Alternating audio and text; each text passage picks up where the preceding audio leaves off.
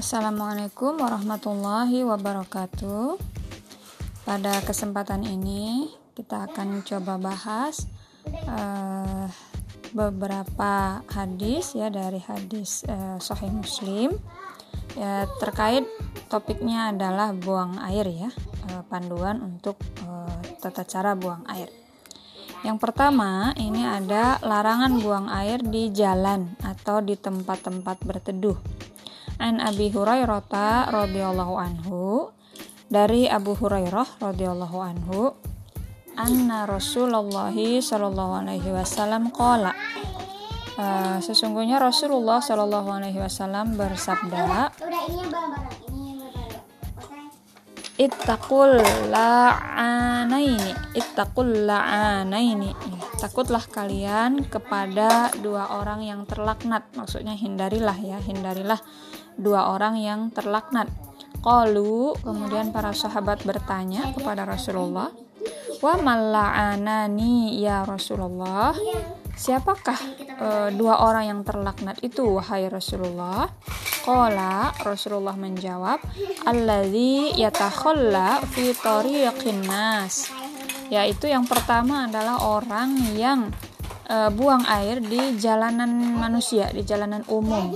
Au fi zillihim atau di tempat mereka berteduh, tempat mereka bernaung.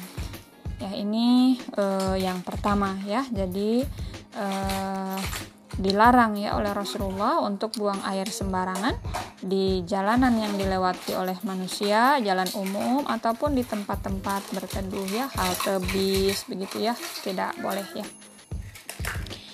Nah, kemudian yang kedua, eh, panduan untuk buang air di tempat yang ada tabirnya atau di tempat yang ada eh, tertutup begitu ya.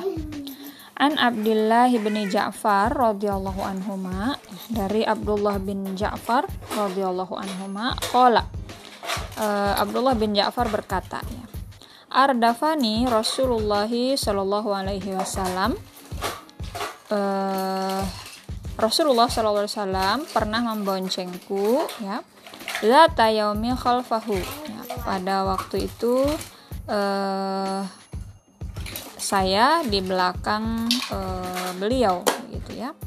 Fa'asarro ilayya hadisan. Kemudian beliau memberitahu saya e, satu hadis. La uhaddisu bihi ahadan minan nas ya yang beliau belum pernah menceritakannya kepada seorang pun. Wakana ahabbu wakana ahabu mas wakana ahabu mas tataro Rasulullah Shallallahu Alaihi Wasallam dihajatihi ya. Bahwa tabir yang lebih disukai ya oleh Rasulullah Shallallahu Alaihi Wasallam untuk beliau buang hajat itu adalah uh, hadafun au haishun nakhli ya uh, itu adalah tabir dari uh, pohon kurma. Jadi yang terbuat dari pohon kurma. Qala Ibnu Asma, uh, Ibnu Asma uh, mengatakan fi hadisihi ya di dalam hadis uh, yang beliau ceritakan yakni haito nakhli ya yaitu maksudnya adalah tabir tersebut terbuat dari pohon kurma. Jadi ya dinding gitu ya, dinding dari pohon kurma